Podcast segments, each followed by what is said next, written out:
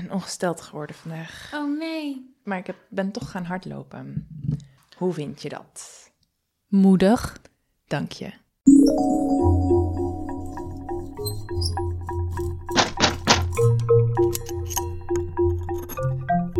Al sla je me dood. Nou, wij wilden eigenlijk mensen bedanken die naar aanleiding van onze aflevering van vorige keer, Over Elaine O'Hara. ja, allemaal hun leuke fetishes doorgestuurd. Fetishen. Fetishen? Sjus. Ik denk sjus. Allemaal hun leuke fetishes hebben doorgestuurd naar ons. Ja, dat is echt heel leuk om te horen allemaal. Omdat het natuurlijk iets is wat je toch misschien niet altijd met iedereen deelt. En dus wat ik ook niet eigenlijk van superveel mensen die ik zelf ken weet. Maar Wij hadden de deur wijd open gegooid. ja, Dus onze DM's, die waren heel vrolijk eh, ja die dag daarna. het- Leuke vrolijke fetishes. We gaan even door.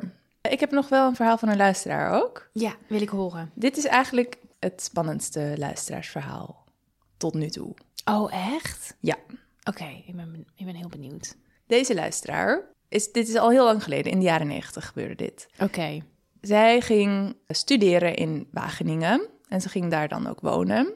Voor het eerst ging ze uit huis en ging ze eh, in een studentenhuis daar wonen met 14 of 15 andere mensen. Ja. Groot huis. En er was vlak daarvoor, was er in de buurt in Bennekom, was er een echtpaar vermoord met een bel. En het was een heel heftig verhaal. Die man die was op straat vermoord en die vrouw was in de, eh, in de slaapkamer vermoord. En ze hadden ook nog twee kleine kindjes. En die waren echt pas twee dagen later of zoiets helemaal soort uitgedroogd gevonden in bed. Dus wel levend. Nee. Heel naar heftig verhaal. En het was niet bekend wie dat gedaan had. Dus de politie was nog bezig met het onderzoek. Dus iedereen in die omgeving was, nou ja, vrij in shock daarover.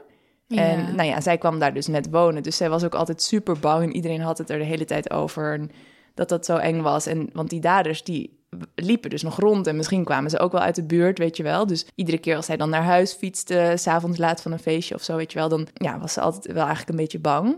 Maar goed, er gebeurde verder nooit meer iets. En ook niet met andere mensen, zeg maar. Dus, dus nou, maar intussen hing het een beetje zo in de lucht natuurlijk. Ja, naar. Maar goed, zij had dus haar studentenleven daar. En eh, dus met al die mensen met wie ze woonde. En dat waren allemaal wel, nou ja, zoals het gaat in een studentenhuis, weet je wel. Er waren wel mensen waar ze een goede klik mee had. En er was ook één jongen die woonde er, geloof ik, nog niet, nog niet zo heel lang. En dat was een beetje zo'n gast die dan altijd in zijn kamer zat te blowen, weet je wel. Ja. Dus daar had ze Klinkt niet bekend. mee. Ja. ja, die heb je ook altijd één, toch? In je studentenhuis. Ja. ja. en iedereen zei ook, oh ja, nee, dat is hij. Die moet je gewoon maar een beetje laten, weet je wel. Ja, de harmless stoner. Ja, precies. Dus, eh, nou ja, goed, dat was allemaal aan de hand in haar leven. Tot op een dag de politie aan de deur stond en aan- nog net aanbelde, maar vervolgens een soort van met heel veel mensen, met grof geschut, dat, dat huis inkwam. En de, de jongen die open had gedaan, die had nog zo gezegd van... Hebben jullie een huiszoekingsbevel? Maar hij kon dan niet eens meer uitpraten, omdat hij gewoon echt omver gegooid werd door de politie. grond geduwd werd. Ja, en toen bleek de harmless stoner niet zo heel harmless te zijn. Oh nee, ik voelde hem eigenlijk al aankomen. Dit was dus de moordenaar die Oh die twee mensen had vermoord. Uh, oh, dit is echt een nachtmerrie. Die woonde dus bij haar in huis en hij stond volgens mij net onder de douche of zo. En toen hebben ze hem dus echt zo eruit geplukt.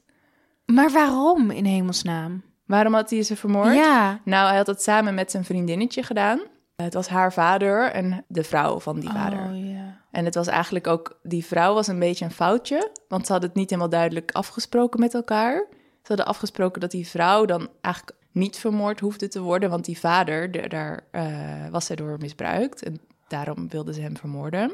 Oh. En toen had ze wel gezegd, die vrouw moet niet vermoord worden, alleen als zij per ongeluk getuige is van de moord. En dat was ze misschien. Dat was ze niet, maar die jongen had dat niet helemaal goed begrepen. Dus die was toch ook de slaapkamer ingegaan om die vrouw ook te vermoorden.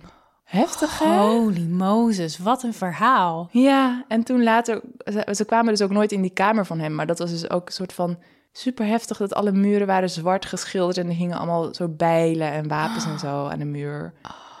Echt mee. Je zal er maar mee in huis wonen. Oh nee. Hebba. Ik, Heftig, ik hè? moet zeggen, ik heb ook wel met types in huis gewoond waarvan ik denk, moi, het had me niet verbaasd. Ik weet dat. Ja, ja. Oh my god. Heel heftig. Ja. En ehm, nou, dit verhaal was trouwens opgestuurd door Maaike, die zelf ook een podcast heeft. Dus ik dacht, het is leuk om dat ook te benoemen. En dat heet De Nectar voor het Onderwijs. Dus is Oh. heel, heel anders, maar eh, Leuk. heel leuk, ja. Nou, Wat ga je mij vertellen? nou niet zo'n eng verhaal. Oh, Oh, nou, dat, moet ik niet zeggen, want dan gaat iedereen meteen weg. Maar ik vind het ook Nou. heel leuk als het niet super eng is, want dan is het misschien weer iets anders. Bijvoorbeeld heel grappig of Nou, heel interessant. Of... ik raakte wel heel erg ehm, geïntrigeerd door dit verhaal. Oké. En je hebt ook al gezegd dat het een mysterie is. Dus Ja. sinds je dat gezegd hebt, zit ik hier echt zo te wachten tot we beginnen. Het is mysterieus. Ja. Het is een mysterieuze dood. En ik vond eigenlijk de hele setting gewoon bijster interessant. Dus eh, ik heb het allemaal uitgezocht voor je. En ik zat net nog heel hard te klagen, omdat ik heel veel dingen moest opzoeken van wat nou precies wat is en hoe dat in elkaar Ja. zat. Dus eh, hopelijk heb ik alle details. spannend. Waarschijnlijk niet. Waarschijnlijk pik je er weer één uit waarvan ik denk, oh, dat weet ik niet. Maar Nou, ga, begin maar Ga gewoon opzoeken. snel. Het Ja. ja. dat wordt jouw, jouw missie voor deze Oh aflevering. ja, om jou te betrappen op iets wat je niet weet. Oké. Ja. Oké, gaan we beginnen?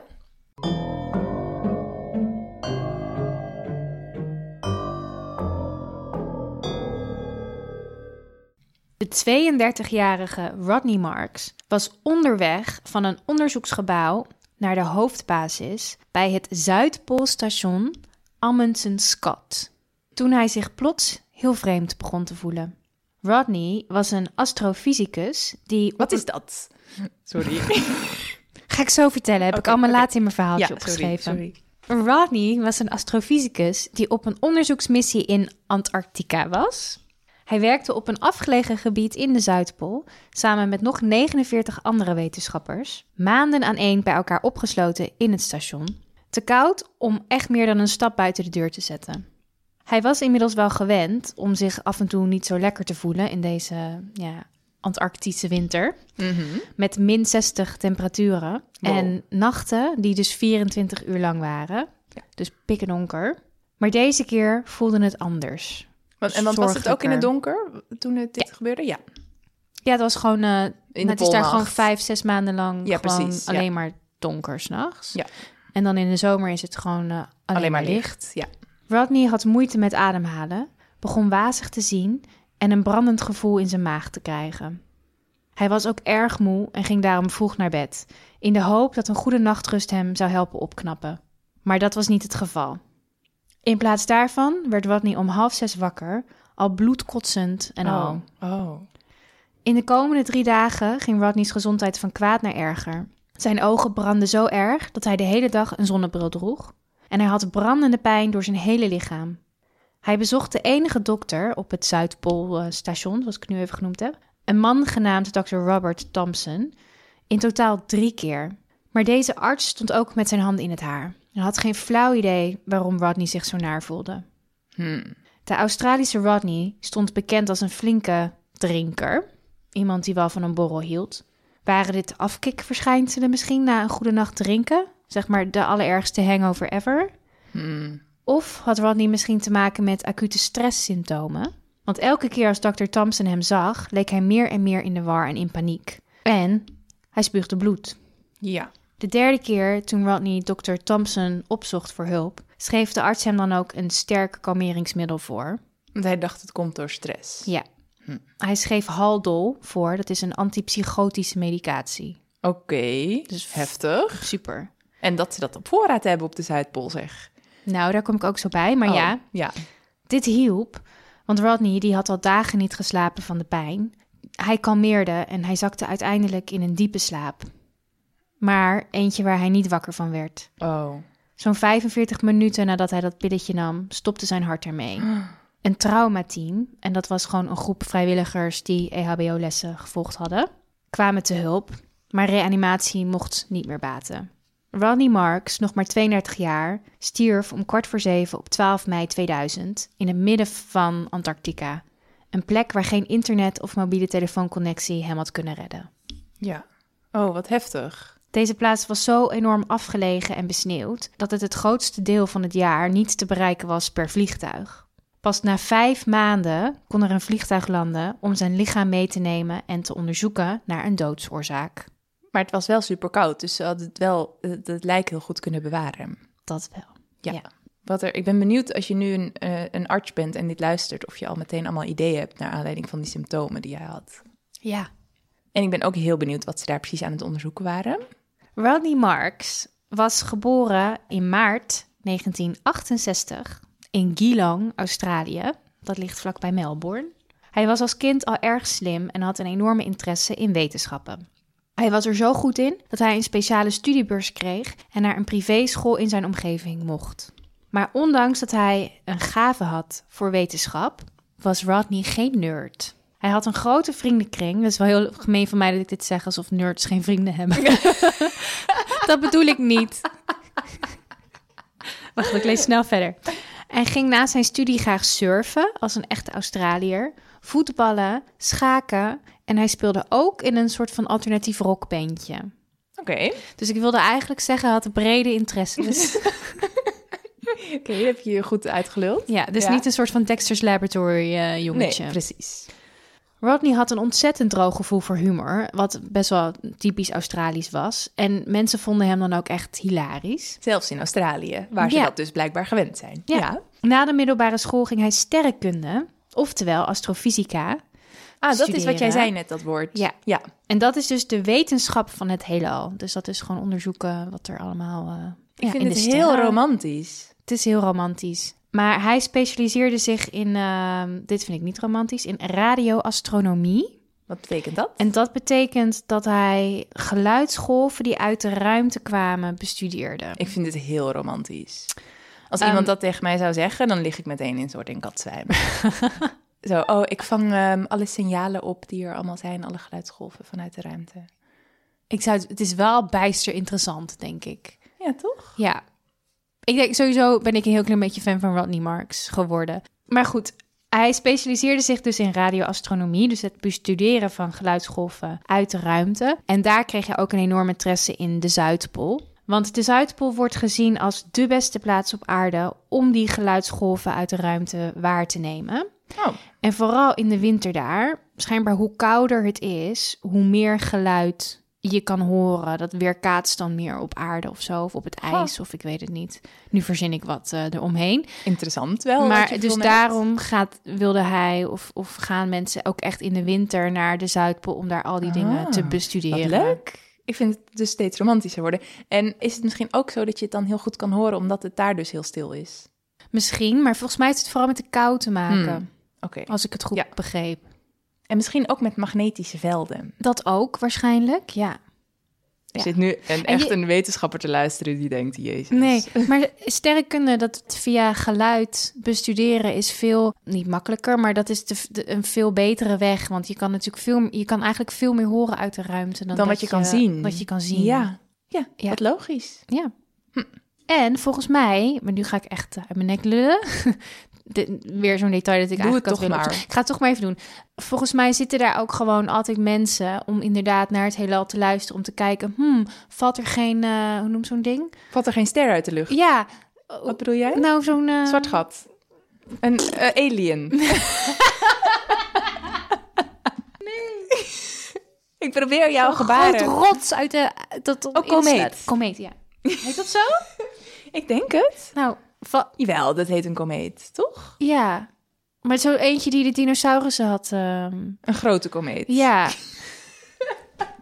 maar volgens mij zitten daar dus wel echt mensen om ervoor te zorgen dat ze dan dat allemaal kunnen opvangen. ehm, zodat ze dan weten wat er, wat er eventueel de aarde op Wat ze- gaat wat ze moeten opvangen. eh, gaat worden. Wat wij met z'n allen moeten Ik opvangen. heb wellicht misschien te veel tv gekeken en heb ik dit bedacht. Maar goed. Dat zou kunnen. Maar dat geeft niks. Uiteindelijk weten we toch nooit wat de echte waarheid is.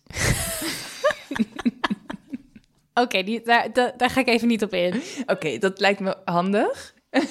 Je hebt echt te veel geslapen. Ja, sorry. Word, Ik ben te word weer vrolijk. moe. Ja. Oké.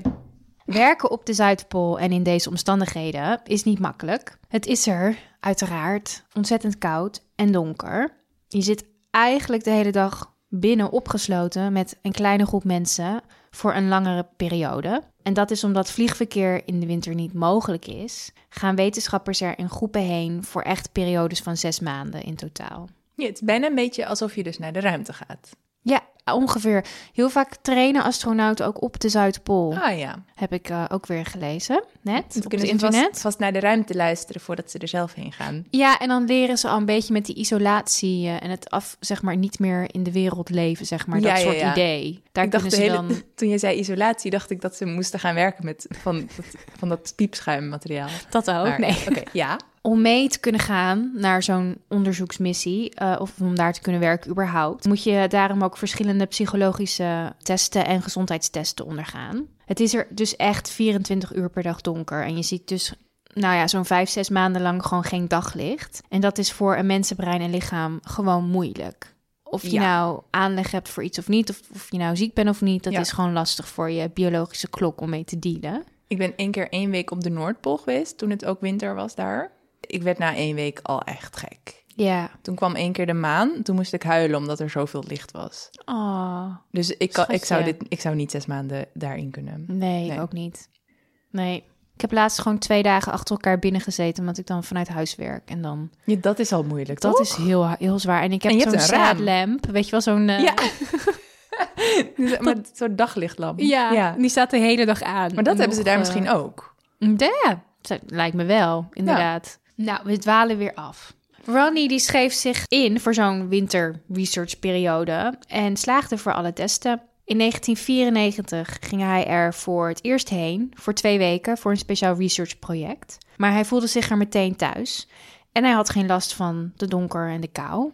In 1997 kreeg hij de kans om opnieuw mee te gaan en zijn eerste lange winter daar mee te maken. En dat beviel zo goed dat hij zich twee jaar later opnieuw opgaf om weer een winter op de Zuidpool in het Amundsen Scott Research Gebouw door te brengen. Oké, dus hij was ook echt al wel wat gewend. Ja, het Edmundson Scott Research Gebouw is het meest afgelegen gebouw op de Zuidpool. Of was, het is inmiddels afgebroken. Het lag zo'n duizend kilometer van McMurdo vandaan. En McMurdo is de plaats waar de meeste researchfaciliteiten bij elkaar op een soort van, in een heel soort mini-dorpje van wetenschappers is. Het gebouw werd de Dome genoemd, want het was dus een doom. Eh, en het was in 1975 door de Amerikanen gebouwd. En in de zomer werd dat gebouw door zo'n 250 mensen bewoond, die daar dus allemaal research deden. Maar in de winter ma- door maximaal 50. Oké, En het is in eh, 2009 afgebroken. Dus Oké. het bestaat niet meer. Wat ik heel erg jammer vond ineens. Dan Ja. dacht ik, dan bouw je zo'n doom op de Zuidpool. En dan haal je het weer weg. nou, leave no trace. Ja. Hartstikke goed. Dat wel, maar ja. Ja. En je zou denken dat er dan gewoon een pingwing-familie in zou mogen wonen. Lekker warm. Ja. Ja. Zoals gezegd moest Rodney verschillende gezondheidschecks doen voordat hij naar de Zuidpool kon. En daar kwam hij prima doorheen. Het enige puntje was dat hij een milde vorm van Tourette's-syndroom Ah. had. Oké. Het was vrij onopvallend. Hij had af en toe last van tics en dat uitte zich bij hem in het snuiven met zijn neus en wat spiertrekkingen. Dus niet dat hij de hele tijd godverdomme ging zeggen. Nee. Sommige mensen die hem kenden, die merkten het gewoon niet eens echt op. Ja, oké. Maar Rodney had met de jaren geleerd dat hij na het drinken van alcohol zich veel meer ontspande en dan minder last had van zijn tics. Dus dat verbloemde het allemaal een beetje. En daarom ging hij door de jaren heen steeds meer en meer drinken. In de winter van 1999 en 2000 op Antarctica werd hij door zijn andere 49 collega's gezien als een stevige drinker. Geen alcoholist, dat woord werd door niemand genoemd, maar wel iemand die vaak dronk en dan heel veel dronk. Dus een soort van binge drinker. Ja, gewoon dat je merkt aan iemand die is veel alcohol gewend. Ja, precies. En dan inderdaad, weet je wel, waar jij eh, twee of drie glazen drinkt, drinkt die persoon er tien. En dan Ja. eh, zijn ze op dezelfde level van dronkenheid. Ja, en eh, dat doet hij dan twee keer of drie keer per week. Dat zeg maar. Ja, ja. Tijdens zijn laatste verblijf op de Zuidpool was hij verliefd geworden op een onderhoudsmedewerker genaamd Sonja Wolter.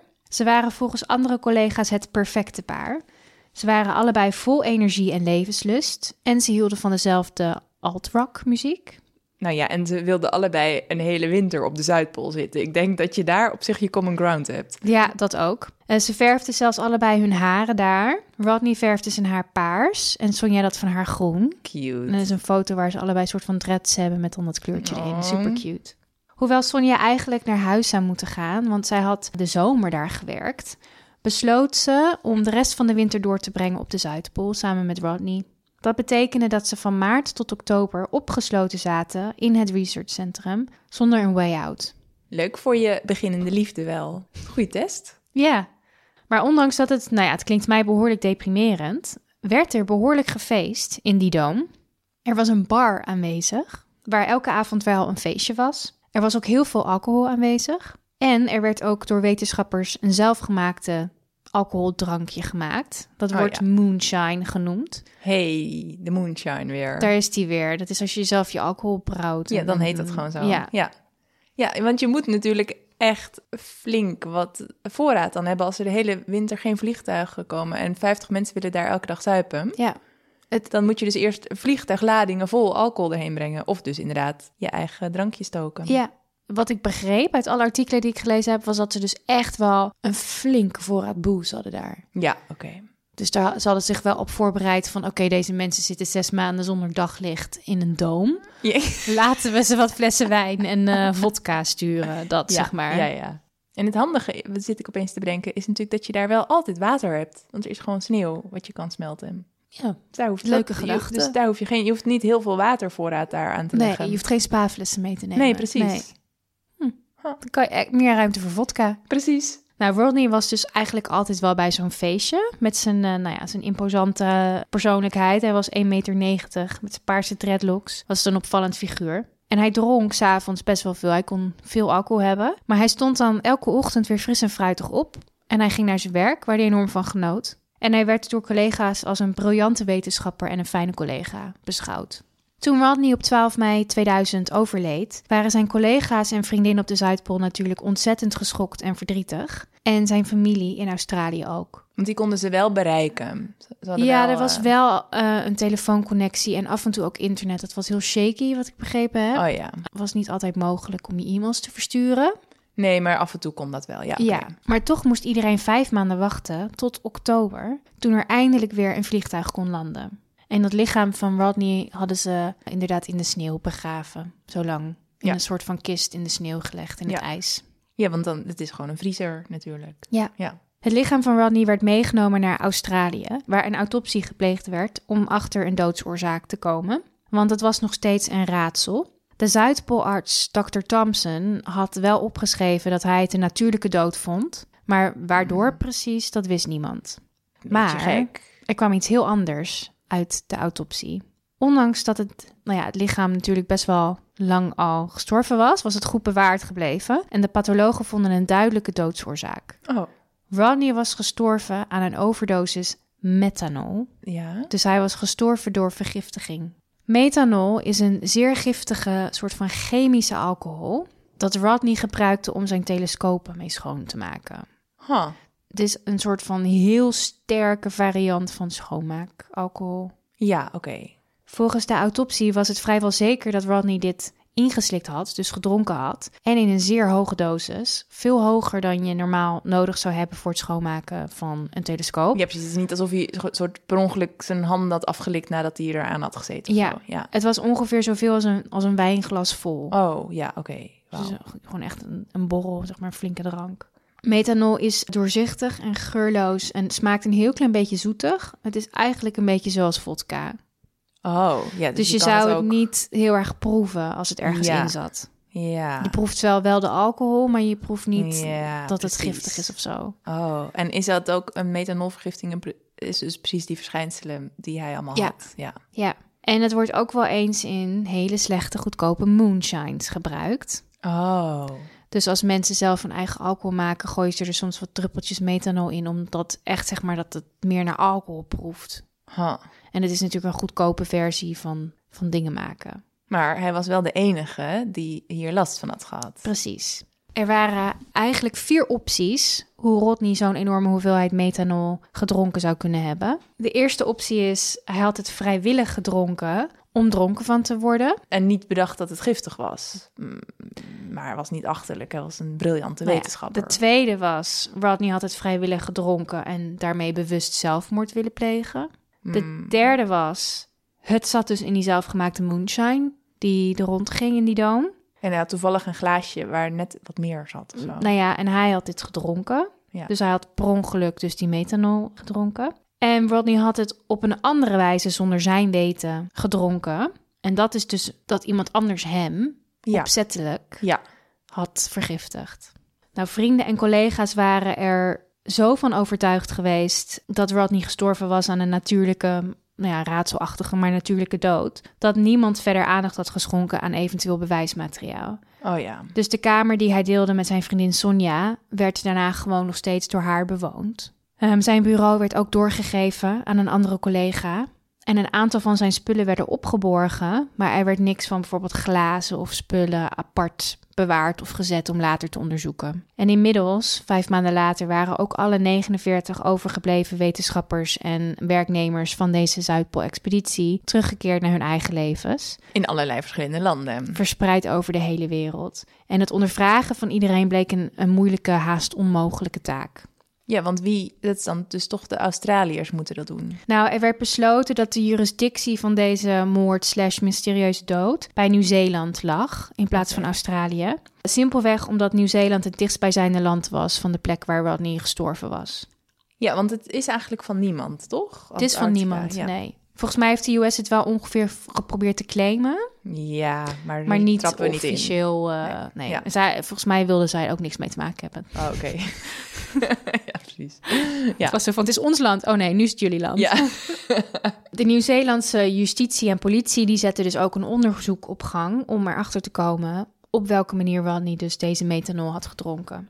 Die eerste theorie, die van de zelfmoord, die werd al vrij snel als gewoon niet plausibel beschouwd. Er was namelijk geen enkele aanleiding om aan te nemen dat Rodney depressief was of niet meer wilde leven. In tegenstelling zelfs. Hij had het eigenlijk heel erg naar zijn zin op de Zuidpool. En hij had een enorme passie voor zijn werk. En hij leek in Sonja zijn soulmate te hebben gevonden. ja, inderdaad. Alles wat je vertelde klonk dit niet aannemelijk. Nee. Bovendien zou hij als wetenschapper echt wel geweten hebben dat methanol dodelijk was. En niet alleen dat het dodelijk was, maar ook dat het ontzettend pijn doet. dat het een langzame Oh, ja. lijdensweg is. Dus Ja. je niet, zeg maar, ik bedoel, vergiftiging, dat is niet van de een op het andere moment. eh, dat is gewoon, ja, verschrikkelijke manier. En daarnaast oogde hij in die drie dagen dat het duurde voordat hij daadwerkelijk stierf, ook juist heel erg als iemand die beter wilde worden. Ja, en hij was heel erg in paniek. Daarom had hij ook die, dat antipsychoticum gekregen. Precies.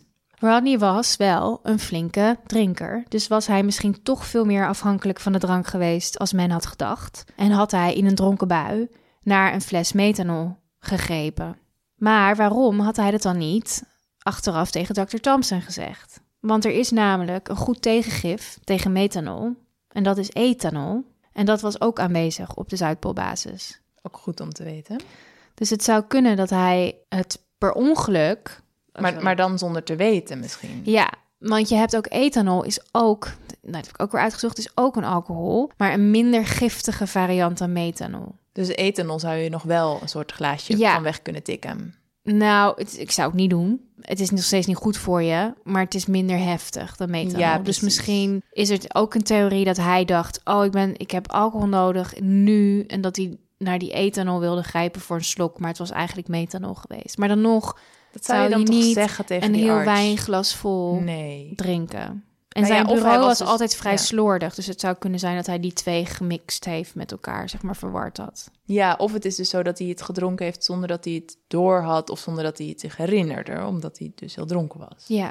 De derde optie, dus dat hij methanol in de moonshine had gezeten, dat kon eigenlijk ook al snel van tafel worden geveegd. Sowieso, zoals al eerder gezegd, is het gewoon niet heel erg aannemelijk dat wetenschappers opzettelijk een giftige alcohol in een drankje stoppen. Nee. Heel veel al- mensen ja. daar zouden weten dat het geen goed idee was. Ja. En daarnaast hadden veel meer mensen van die moonshine gedronken en niemand anders had klachten. Ja.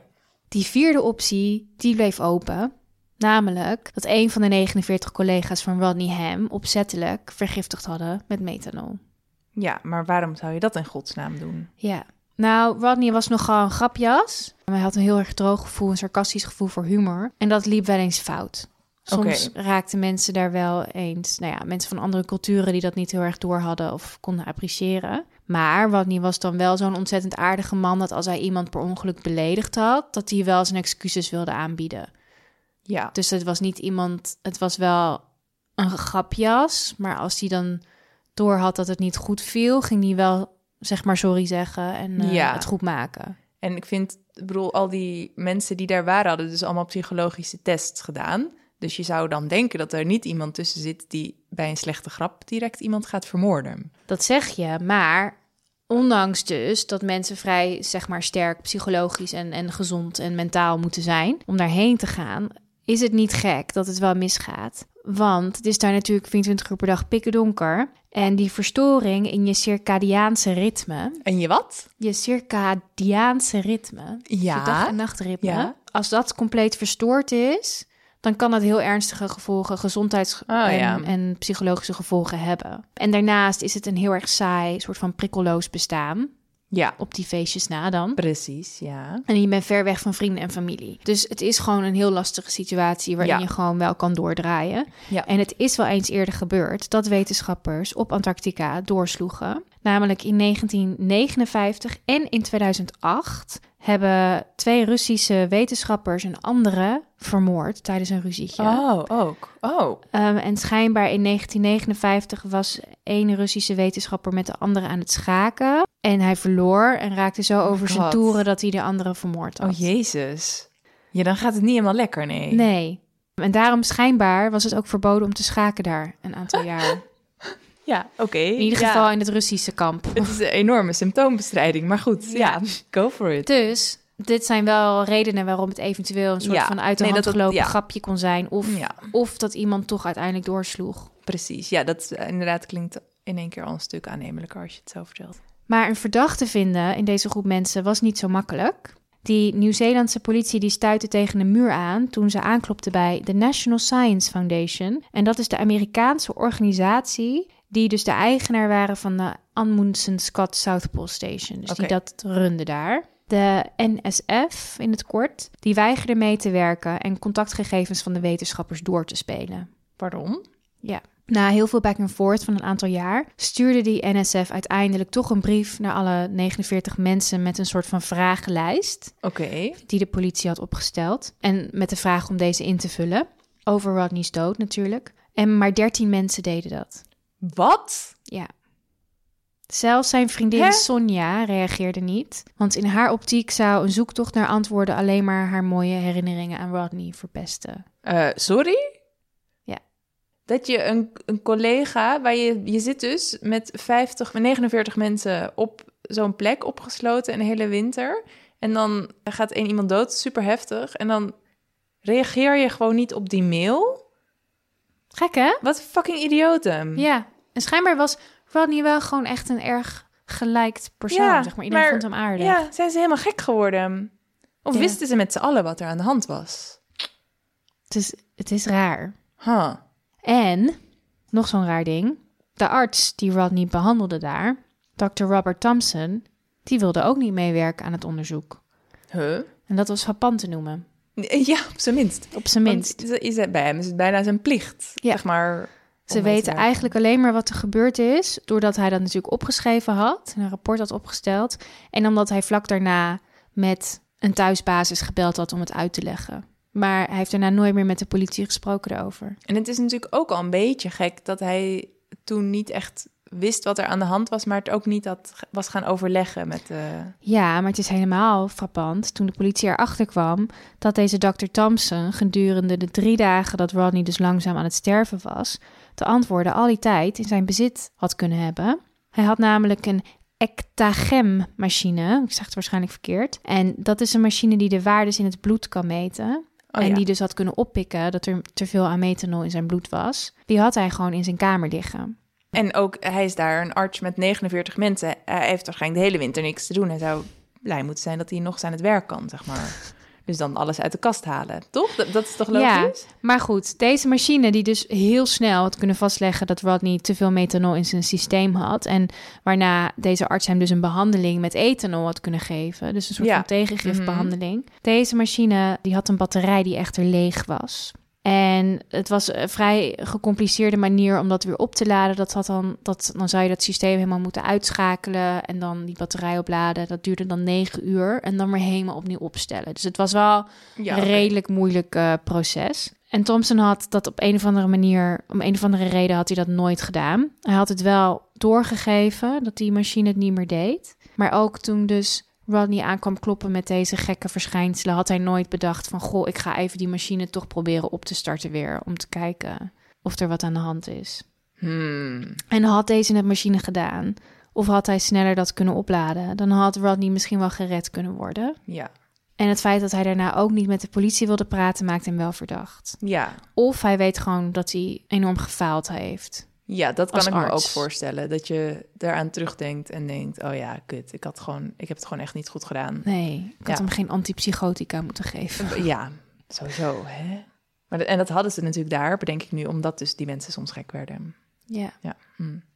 Na zes jaar zoeken naar antwoorden stond de politie van Nieuw-Zeeland nog steeds met lege handen. En ze ronden daarom het onderzoek af, zonder dichter bij de waarheid gekomen te zijn. Maar in dat rapport dat ze opgesteld hadden, stond wel een frappante opmerking van een van Rodney's collega's, die wel die vragenlijst had ingevuld Aha, van de ja, politie. Dat kwam daar nog uit. En dat was namelijk dat hij op het bureau van Rodney een fles had zien staan. Een soort exotisch uitziend fles met een zwart-wit label met daar een, met een garnaal erop. En Rodney had deze fles zelf meegenomen naar de Zuidpool. En later, na de dood van Rodney, had hij die fles leeg onder zijn bureau gevonden. En toen hebben ze hem daarna weggegooid.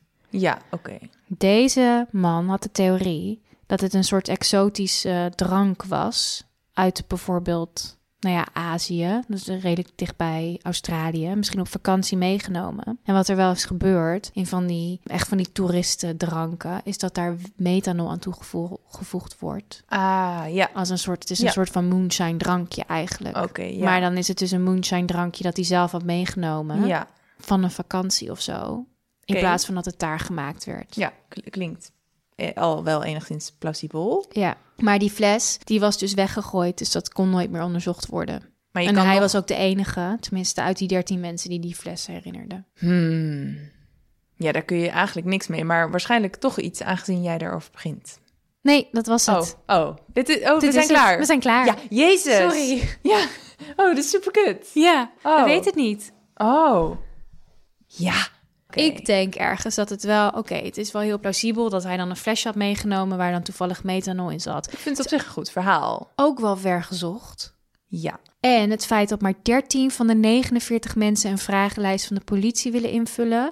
En dat we dus feitelijk niks weten over wat zich daar had afgespeeld, vind ik heel erg verdacht. ja, dat vind ik dus ook heel raar. En ik vind die arts ook een beetje gek. Ja, Want ja, het kan dat je gewoon een niet zo supergoeie arts bent en wat steken laat vallen. Maar ja, ik weet het niet hoor. hmm. Je gaat, dan- als je iets niet weet, dan ga je toch op zijn minst het even overleggen met een collega of zo. ja. Ja, of misschien had die arts zelf die methanol gegeven aan Rodney als een soort van, oh hier heb je een hoesdrankje, verkeerde flesje meegegeven. Ja, dus dat, het wel een ongeluk was. Dat het het was, maar dat was een ongeluk of zo.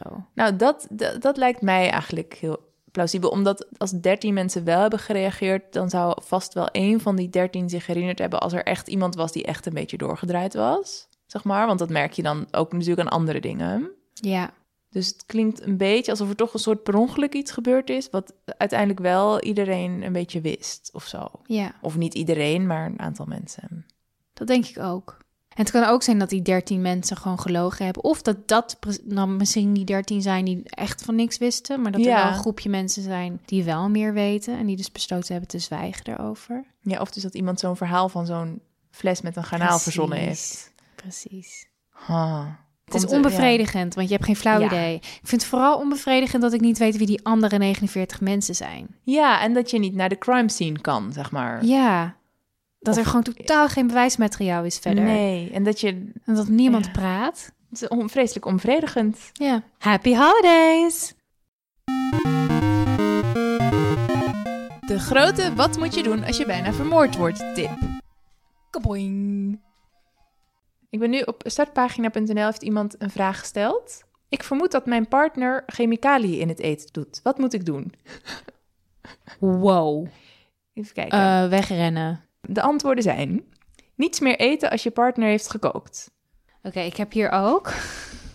Oh, iemand zegt bewaar een gedeelte van het eten. Stop dus bijvoorbeeld een eetlepel van je eten in een plastic zakje en laat het onderzoeken in een forensisch laboratorium op vergif. Ja, dat doe je even makkelijk. Ja, dat is toch Ga je, tip. bedoel, die, die staat in mijn telefoon. Die bel ik zo even. Ik heb hier tekenen dat je partner je langzaam aan het vergiftigen is. Oké, vertel. Je partner staat erop dat hij je ontbijt in bed brengt elke dag. Oh.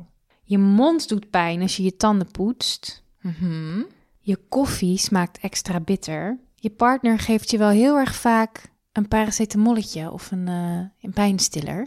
Frisdranken proeven of smaken een beetje te zoet. Mm. Je drankje heeft een gekke kleur, ja. eh. Mhm. Of je moet van je partner ineens vitaminepillen gaan slikken, terwijl je dat nooit Oh, deed. ja. Ik zit even te tellen. Je partner houdt ineens van tuinieren. Dat hij lekker kruiden, vergif- Oh, ja, ja, ja. giftige kruiden kan. Of dat hij alvast even de grond zacht maakt voor waar hij je lichaam gaat begraven. Oh, er staat er nog één. je partner is een chemicus. D- dat is op zich al een reden om aan te nemen dat hij je vergiftigt. Oké. Ja.